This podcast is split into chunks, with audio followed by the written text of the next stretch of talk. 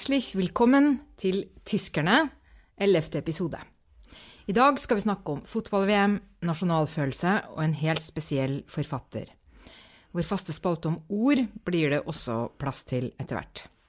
Og noen av lytterne er kanskje litt overraska over at vi plutselig dukker opp i feeden. For hvem er vi?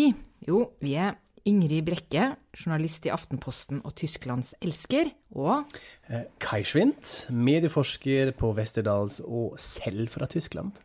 Og vi lager denne podkasten om Tyskland og alt tysk. Og vi har fått lov å vise oss frem gjennom å bli distribuert der hvor Aftenposten pleide å sende ut sin utenrikspodkast. Og tusen takk for det, Aftenposten. Men til saken.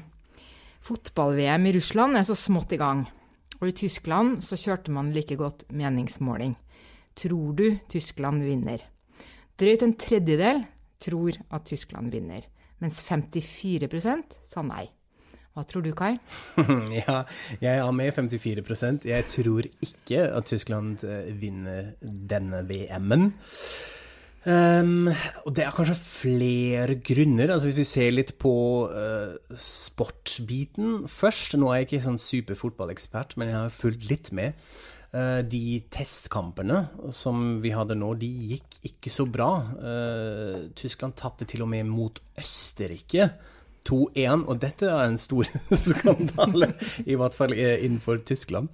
Eh, og så var det også en testkamp mot Saudi-Arabia hvor det var uh, litt sånn shaky forsvar. Mm -hmm. Det er altså flere eksperter som sier at forsvaret er ikke helt på plass. Så har vi et lite problem med Manuel Neuer, altså en verdensgoalie, superbra keeper, som har vært skada altfor lenge. Han har ikke vært med.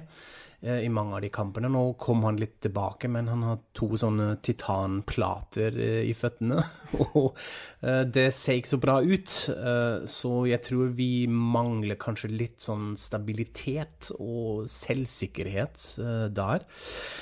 Ja, og så er det litt um, Løv, altså treneren, som um, ja, har vært kjent for en veldig god strategi. Han har jo bygd opp uh, newcomers og uh, unge spillere, uh, og han har mye å velge fra. Mm. men nå har han tatt noen valg som er kanskje litt usikker om dette er så lurt. Han hadde f.eks. En, en veldig god spiller som heter Leroy Sané, som har spilt for Manchester City. Uh, som mange har satset på at han skulle være med, men han ble da tatt ut uh, fordi han er kanskje en litt sånn uforutsigbar spiller. Det er også mange som har påpekt at han ikke helt passer inn i denne ånden av landskapet. Så han er med en sånn selfie-star. Uh, han har et tattoo av seg selv på ryggen. veldig, veldig selvopptatt. Så det er den type spilleren. Så han er ikke med, og det kom litt til et sjokk til mange, men Eh, så eh, ja, jeg stoler litt på Løv, men jeg, jeg stoler ikke helt på de mannschaft. Spennende. Ja. Spennende. Men dette er jo et VM i Russland, mm. så det er jo også prega av eh, storpolitikk. Ikke minst pga. krisen i Ukraina og sanksjonene mot Russland. Mm. Og i Tyskland og tyske medier så har jo dette også vært et enormt eh, tema. Og for å komme tilbake til meningsmålinga De har jo hatt meningsmåling også om hvem som er den kjekkeste på landslaget og sånn, men de mm, har mm, ja. også hatt eh, på hvor mange som mener at VM ikke burde, ikke burde, vært i Russland. Og det er jo 40% som sier at det aldri burde vært der. Mm.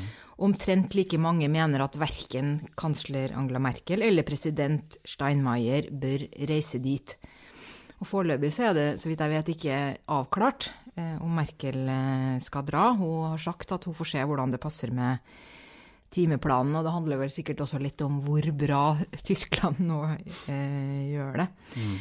Men eh, Putin han er ikke den eneste autoritære lederen som eh, de tyske fotballspillerne eh, sliter med, Kai. Nei, fordi det har vært en skandale med en person som vi har snakket om en del her på podkasten òg, nemlig Recep Erdogan, eh, statspresident i Tyrkia. Eh, og da to eh, spiller, tysk, tyrkisk-tyske spillere fra landslaget, Ilkay Gundogan og Mesut Özil. Som er født i Tyskland, men som har tyrkisk innvandrerfamilie. Og de møtte Erdogan i London og tok et sånn PR-selfie eh, med han og overleverte drakt som var signert osv., og, så videre, og skulle da altså gjøre noe for uh, Tyrkia, for familie, eller ja, det vet man jo egentlig ikke helt hvorfor uh, de gjorde dette. Og da blir det stor bråk. Ja, for dette gikk jo verden rundt og var overalt. Ja. ja. Eh, og spesielt i Tyskland skapte det jo overskrifter og masse kritikk. At man sier 'hvorfor hjelper dere Erdogan i valgkampen nå'? Skjønner dere ingenting? Hva med politiske konteksten? Uh, og så var det også DFB, altså den tyske fotballforbundet, som var veldig fort ute med å prøve å rydde opp i dette. Kjørte en sånn unnskyldnings-PR-kampanje. Stakkars begge måtte ut og beklage. Men så vidt var det egentlig bare Gundogan som tydelig sa dette var litt dumt av oss, jeg beklager. Fra Øsil har man ikke hørt så mye selv. Eh, og så også, insisterte også Frank-Walter Steinmeier, altså presidenten, at de skulle kanskje komme til meg på Slåss Bellevue, og vi skulle ta en prat og rydde litt opp i dette. Så dette ble, fikk høyeste prioritet, eh, men fansene var jo ikke helt fornøyd. Det blir jo masse bying under siste kampen mot eh, Gundogan. Og så har man nå egentlig også en debatt rundt dette. Hvorfor er det så problematisk? Ser vi da igjen en sånn mislykket innvandring? Er det et tegn fra parallellsamfunn? Eh, at disse spillerne egentlig identifiserer seg med Tyrkia og Erdogan, selv om de har tyske nasjonalspillere osv. osv. Og for Erdogan er det jo selvfølgelig fantastisk valgkampstøtte eh, han får, eh, men man har jo generelt et veldig anspent forhold mellom Tyrkia og Tyskland. Og Merkel, en annen som jo har møtt eh, Erdogan, hun har jo tatt dem i, i forsvar. Eh, på et talkshow så fikk hun publikum til å klappe for dem. Mm. Og hun har også hatt en helt privat samtale med de på hva blir det, tremannshånd. Mm -hmm. eh, nå like når hun var besøkte laget og sånn. Altså dette, mm. det sier jo noe om hvor viktig dette fotballandslaget er for eh, Tysklands mm. Eh, selvbilde, kanskje. Og, og, eh, og, det man kanskje også da syns er vanskelig å snakke om nasjonalfølelse, nasjonalstolthet. Ja, absolutt. Jeg tror også at det er ikke helt avgjort om Merkel eller Steinmeier ikke ikke skal Nei. til Russland. Da må vi vente litt, akkurat som du var inne på. Se hvor bra de uh, gjør det. Ja. Uh, og så er det en uh, PR-drøm, egentlig, å, å, bli sett der og jubler og heier med ja, og følger med. Så jeg kan tenke meg at hun kanskje dukker opp til slutt. Prøve å unngå Putin, kanskje, men er med i stadion. Ja. ja. ja da skal vi se litt eh, Vi fortsetter med fotball, men fra et litt annet perspektiv. Mm. Eh, nemlig litt sånn hva skjer inni de tyske hjertene? For det vet vi jo at for Tyskland så er disse tingene komplisert. Og med disse tingene så mener jeg nasjonalfølelse, nasjonal stolthet, flagg. Eh, alt dette her. De har liksom ikke fått noe skikkelig dreisen på det etter, eh, etter eh, krigen. Og og jeg pleier jo å si eh, at hvis man tror at nordmenn og tyskere egentlig liker, like, så er det bare å spørre noen tyskere litt sånn om hvordan de har det med flagg og sånn, og da skjønner man at vi er veldig forskjellige. Mm. Jeg skal bare nevne to eh, eksempler. Det ene er en, eh, en, eh, en, dame som jeg kjenner, som fortalte at da hennes sønn var liten, og nå er han tidlig i 20-årene, så dette er lenge siden, så ville han gjerne ha et tysk flagg på rommet sitt. Og det syntes hun var så grusomt at hun begynte å gråte. Og så kjøpte hun et EU-flagg til han i stedet. Eh, og han var så liten at han aksepterte det, da. Men det kan man jo virkelig ikke ja, Det kunne vel ikke skjedd i noe annet land, tror jeg. Fint at han ikke brente EU-flagget i hagen. og han syntes vel det var fint å få et flagg. Ja. ja. Nei, og så det andre eksempelet, det, det, er egentlig ganske nylig. Og da eh, møtte jeg en, en som var kanskje 25 år eller noe sånt, som nettopp har flytta til eh, Norge, en tysker. Og som fortalte litt om at ja, 17. mai var fint og hadde vært med på et par nå, men det var mye, da. Og mye å ta inn og sånn. Og som liksom ser på meg eh, sånn at jeg kan se egentlig på øynene hennes hvordan hun grøsser nedover ryggen. Og tenk, tenk hvis jeg hadde dratt hjem til Tyskland og faren min hadde hatt bursdag med flagg på kaka. Mm. Det var liksom en sånn horror eh, tanke, da. Ja. Er det, er det sånn, Kai? Helt enig, jeg, jeg, skjønner dette godt. Jeg hadde samme opplevelse når jeg kom hit med 17. mai. Ja, litt mye med flagg. Det er barn da, greit, men det er så mange flagg. Uh, og også det med uh, juletre og flagg. Første uh, jul jeg hadde i Norge, hvor det plutselig var masse sånne små flagger på juletre. Det skjønte jeg ikke. Hva har det med hverandre å gjøre? Og det skjønner jeg ikke til i dag. Den koblingen. det er virkelig motsatt av det. Men nå, jo, nå, ligger vi jo kanskje på den andre enden. Uh, vi er jo veldig ekstrem mot, uh, skeptisk mot dette. Uh, men så kommer vi kanskje litt tilbake til fotball, fordi det var jo en liten forandring i 2006. Nå, mm. altså VM i fotball var i Tyskland, og da var jeg også der nede. Det var før jeg flytta hit. Um, og da var det faktisk sånn at man skjønte ja, ok, nå skjer det et eller annet her. Når ser man masse folk med flagg. Eh, folk begynner å male det liksom på ansiktet ja. og gå rundt med det, og man begynner å slappe litt av. Eh, det er ikke alltid lett. Jeg har en veldig god venninne av meg, Alexandra, som jeg var så en del kamper med eh, med noen andre venner, og plutselig satt vi i en kabrioletbil og skulle kjøre gjennom Frankfurt og juble litt etter en kamp, og hun fikk da en, en tysk flagg. Og så tok hun den rundt skuldrene og viftet litt, og så sa hun til meg herregud, dette er så vanskelig for meg, jeg som er pasifist. Uh, dette her, ikke si det til noen. Eh, men så hadde vi drukket litt, og det gikk greit. Men eh, da lo vi resten av dagen av dette. At hun anti... Uh, ja, hun pasifist Alexandra måtte sitte i en kabriolet og vifte med flagget. Uh, men altså, da har det skjedd noe. og så er det jo spørs om ja, dette fortsetter nå. Det dabber jo kanskje litt av allerede under, i 2014. Uh, fordi det var det ikke i Tyskland lenger. Uh, men eh, det, har, det fins en før og etter. Det, det stemmer. Mm. Ja. Og jeg har jo også likt veldig godt å, å se fotball eh, sammen med tyskere i Tyskland. fordi at de er jo også ganske gode tapere, da. Det tenker jeg er litt sånn den fine sida med dette. At man tar det ganske bra. Men hvordan tror du det blir i, i Russland, da? Blir det mye flagg og baluba, eller?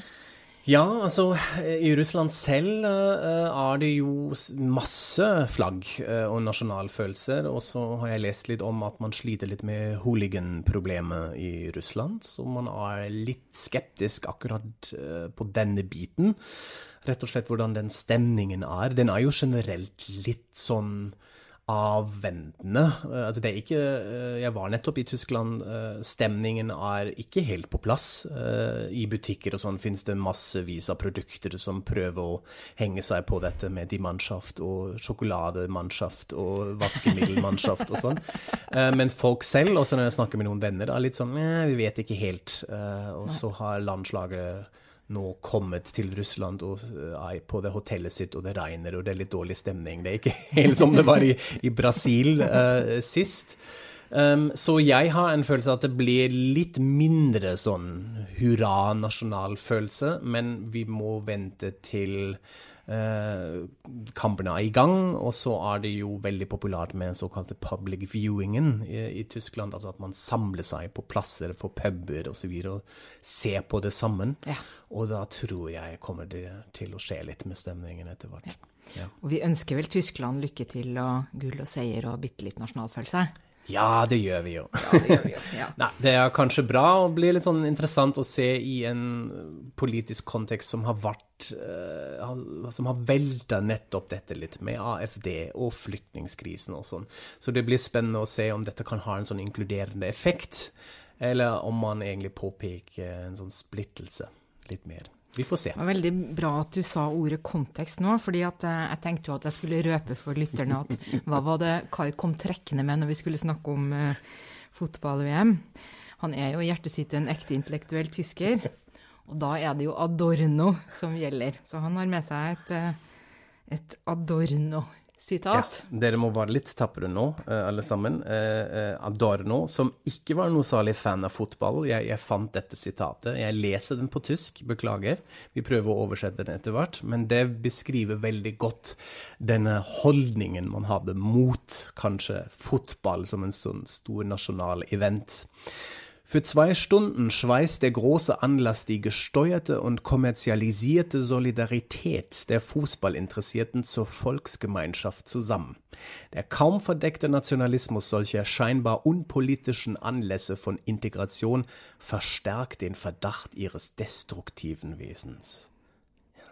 Det, wow. høres, det, høres, ikke bra ut. høres ikke bra ut. Nei. Han liker ikke fotball i det hele tatt. Han syns dette er bare en sånn liksom Skape en eh, liksom-fellesskap uh, som uh, egentlig har en destruktiv kjerne. Ja, og, og det, det, skjuler hvor farlig det er hvor i lek og moro. Absolutt, og ja. fører rett til fascismen igjen.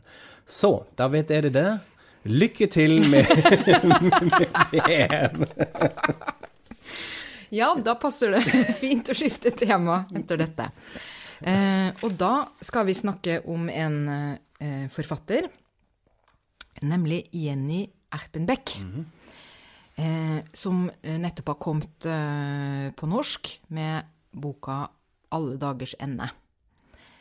Eh, hun har fått helt utrolig gode kritikker. Og før vi sier litt mer om, om boka og, og, sånn, så må jeg bare gi noen biografiske opplysninger. For mm -hmm. hun mhm. har en helt sånn fantastisk interessant eh, eh, biografi. Eh, sånn som man bare finner i Tyskland, tenker jeg litt, da.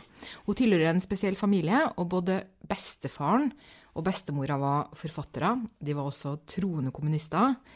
Og de reiste fra Tyskland da nazitida begynte.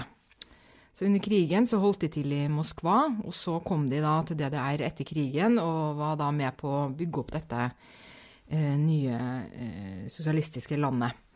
Og bestefaren han fikk både posisjoner og priser i det der, så de hørte jo absolutt til eliten. Say hello to a new era of mental health care. Cerebral is here to help you achieve your mental wellness goals with professional therapy and medication management support. 100% online. You'll experience the all new Cerebral Way, an innovative approach to mental wellness designed around you. You'll get a personalized treatment plan from a therapist, prescriber, or both in a safe and judgment free space.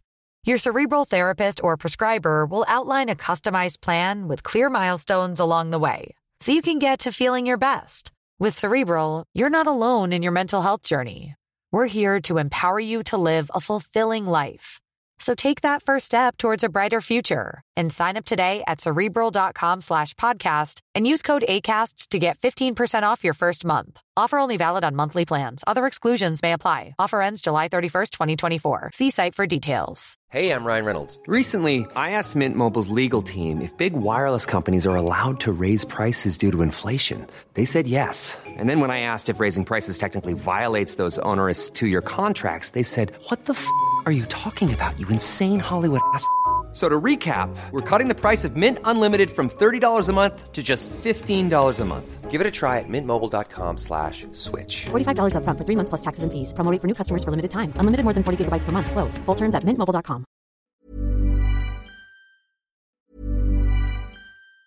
Life is made up of many gorgeous moments. Cherish them all, big and small, with Blue Nile. Whether it's for yourself or a loved one, Blue Nile's unrivaled selection of expertly crafted fine jewelry and statement pieces help make all your moments sparkle. Blue Nile's experts are on hand to guide you, and their diamond guarantee ensures you get the highest quality at the best price. Celebrate a life well lived in the most radiant way and save up to 30% at BlueNile.com. That's BlueNile.com. Introducing Wondersuite from Bluehost.com. Website creation is hard. But now with Bluehost, you can answer a few simple questions about your business and get a unique WordPress website or store right away. From there, you can customize your design, colors, and content. And Bluehost automatically helps you get found in search engines like Google and Bing. From step-by-step guidance to suggested plugins, Bluehost makes WordPress wonderful for everyone. Go to bluehost.com/wondersuite. Mm. Og hans sønn, altså Jenny Appenbecks far, ble da eh, både forfatter og fysiker. Eh, og mora til Jenny Erpenbeck hun var arabiskoversetter, også da i, i DDR. Og Jenny Erpenbeck eh, hun eh, ville jo absolutt ikke bli forfatter, for det var jo alle de andre i familien. Eh, hun utdanna seg Først ble hun utdanna eh, bokbinder. Jeg gjetter at det er litt fordi at alle det der skulle ha en sånn yrkesutdannelse. Ja, det tror jeg. og så Mm. studerte hun senere og ble operaregissør. Mm. Men sannelig endte hun ikke eh, som forfatter likevel. Og så vidt jeg husker av det hun fortalte når hun var gjest på Litteraturhuset i Oslo, så fikk hun an, antatt den første romanen sin uten endring, Ja. og leverte den inn eh, anonymt. Mm. Og det er jo ikke mange forunt, altså. Og både du og jeg eh, var jo og hørte på når hun var på Litteraturhuset. Hva, hva, hvordan syns du det var?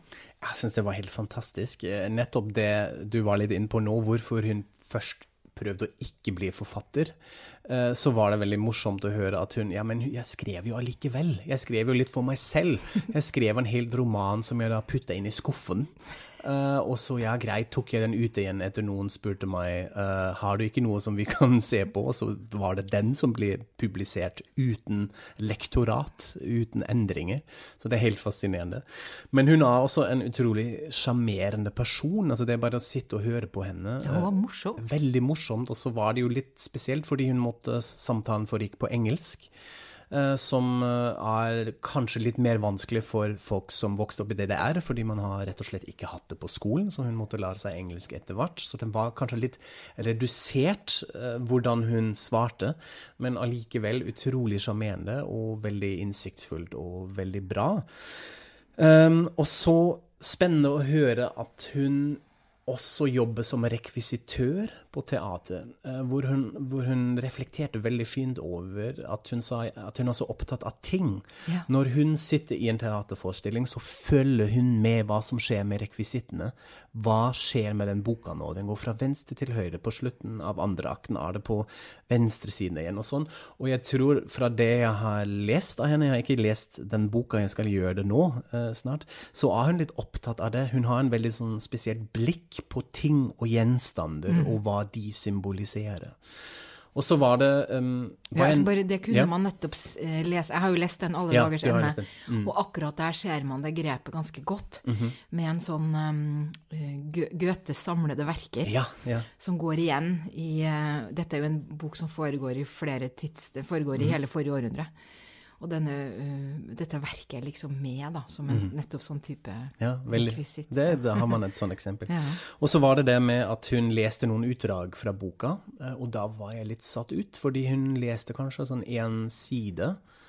eh, Og fra slutten av den boka, som beskriver en samtale mellom en mann og sin mor på en benk. Og da begynte jeg å gråte. Det Ja. var utrolig merkelig hva som skjedde. Det Ja. veldig enkelt, effektivt språk, og det funker også på norsk. Ja, altså det det ble eh, lest på norsk og tysk. Og da var jeg virkelig veldig rørt, og gleder meg veldig til å lese hele Vi kan jo bare si at det er oversatt av Ote Neumann, som opplagt har gjort en jobb når eh, Ja.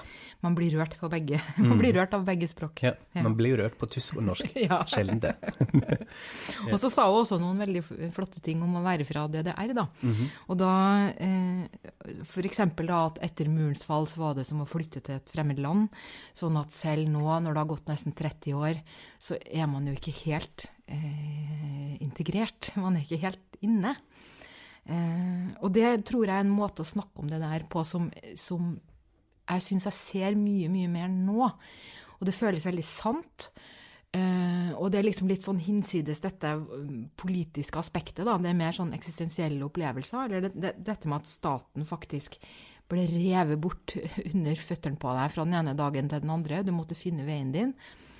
Og, og selvfølgelig fikk eh, de fleste det bedre. Man kunne reise Ja, livet forandra seg. Men også dette at selv om man eh, fant seg til rette, eh, ytre sett og alt sånt, som selvfølgelig hun har gjort, det var jo en enorm suksess, Mm. så ligger det litt i under dette her, da. At eh, det var et annet eh, Det var virkelig et uh, annet land. Ja, absolutt. Så nevnte hun også noe som jeg aldri har tenkt på, nemlig hvordan det har vært når man studerte i DDR mot slutten.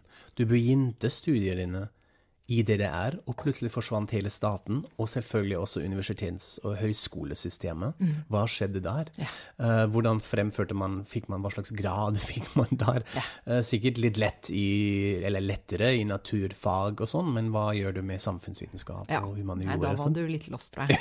det tror jeg òg. Så det var veldig interessant. Bare høre henne uh, snakke litt om det. Men du har jo lest, som du nevnte, Ingrid, 'Alle dagers ende'. Eh, hvordan er den boka? Hvordan funker Nei, den er jo helt, Jeg er jo helt enig i disse overveldende positive kritikkene, altså. Den, den, er, den, er, veldig klok, veldig, veldig nydelig skrevet. Eh, og det er sånn som jeg vil kalle en virkelig sånn sentral-Europa-roman. Den følger et menneske gjennom hele 20. århundre, gjennom to kriger, sult, jødeforfølgelser, kommunisme, diktatur. Det er all denne dramatiske historien. Eh, og viser hvordan individer blir sånn kasteballer for, eh, for eh, storpolitikken. Da. Vi, skal, vi har jo en, vår Facebook-side, Tyskerne. Så der skal vi legge ut en eller kanskje to av disse anmeldelsene, så folk kan se sjøl. Mm. Ja, det er en, en sånn siste ting da, som, jeg, som, jeg, tenker litt på, som var litt interessant. At hvilke tysk litteratur ble oversatt i Norge? Altså ja. hva man fokuserer på. Fordi det er litt interessant for meg fra Tyskland å oppdage, eh, hvor man kanskje i Tyskland fokuserer på litt andre forfattere. Da er det litt mer sånn pop folk med kanskje litt mer vesttysk uh, preg. Mens her i ja. Norge ser det ut som man er veldig interessert i denne østtyske erfaringen. Ja, det er jo så eksotisk. Det er jo det, ja. ja. Men er du enig? Altså, er det sånn Ja, jeg tenker ja. Altså, jeg tror nok uh, jeg, jeg, tror du har helt rett i at det i hvert fall Jeg vet ikke om man kan si at det blir oversatt mer eller mindre, for det har vi vel ikke telt, men at, det, at de får mye oppmerksomhet. Mm. Eh, de som har dette aspektet. Det er klart, det. Og det er jo fordi at det føles så mer unikt, tenker jeg, da. Mm. At ikke for å være nedlatende overfor Vest-Tyskland, men det er jo mer et vanlig land i Europa. Mm, ja. Mens denne DDR-opplevelsen er jo mm. spesiell, da, tenker jeg. Jeg lurer litt på hvordan det er for forfattere derfra. fordi det kan jo også kanskje oppleves som et sånn litt innboksende stereotyp. Herregud, har ja. jeg skrevet en kjærlighetshistorie, men må ja. jeg nå snakke om ja. politikk og hvordan det var da DDR forsvant igjen? Det tror jeg. Og så tenker jeg også at hvis man ser, hvis man ser for seg da, at det å lese romaner fra et land er en måte å forstå et land på, mm. så er det jo veldig corny ja. å drive sånn som vi holder på, og være mm. så fascinert av disse DDR-historiene. Mm. For det er jo tross alt den minste delen av uh, Tyskland, og marginalt i forhold til da, ja. den vesttyske ja. mm. erfaringa og, og, den gjenforente. Mm. Ja. Så, uh, men vi leser jo bøker fordi det er kunst, da. Selvfølgelig. Det, og spesielt Jenny Epenbeck, som har et uh, fantastisk språk. Så den anbefaler vi. Da eh, skal vi eh, ta vår faste spalte om ord. Mm -hmm. For det er jo noe som alle som har lært eh, eh fremmede språk, alltid syns er veldig gøy. -hmm. Det gjør vi hver gang. Eh, jeg har eh, med meg ordet erinnerung mm -hmm. denne gangen. Og det er mest fordi jeg syns det er så vakkert. Og så passer det litt til denne boka til Erfen Beck, da, har jeg tenkt. Og det er jo vel det samme ordet som erindring. Mm -hmm. Men vi bruker jo ikke erindring eh, så mye på norsk. Det er litt sånn gammelmodig og litt sånn stivt. Mm -hmm. Men erindring det er for meg veldig sånn poetisk, og det er mer poetisk enn hukommelse eller minne. Og så tenker jeg meg også at ordet egentlig er litt sånn vagt, at det kan brukes i en mhm. del sammenhenger. Eh, og så har det god eh, klang, da. Ja, jeg er helt enig. Jeg har egentlig aldri tenkt på det ordet, som er så fint med den spalten vi har her, ja. når vi presenterer disse ord til hverandre. Eh, men helt enig, det er noe med klangen, og at innrung høres nesten ut som et ekko fra noe som ble sagt ja. en stund siden, som man fortsatt hører på. Så ja, det er et veldig fint ord. Eh, jeg er helt enig. Jeg har jo med meg noe òg. Ja. noe norske. Eh, ja. Det er litt mer banalt. Eh, men jeg pleier jo å snakke om ord her, eller setninger til og med, som jeg har stusser litt over. Ja. Og en ting som er veldig mye med i hverdagen, er 'takk for sist'. Som nordmenn liker å si til hverandre, og som jeg nå også har begynt å si, som er veldig fascinerende, fordi jeg fortsatt til i dag litt usikkert hvor går den grensen når man kan si takk for sist til en annen person. Jeg har hørt takk for sist bli sagt til meg fra en person som jeg har sett to år siden sist. Og det første han da sier når han sier meg igjen, er 'takk for sist'.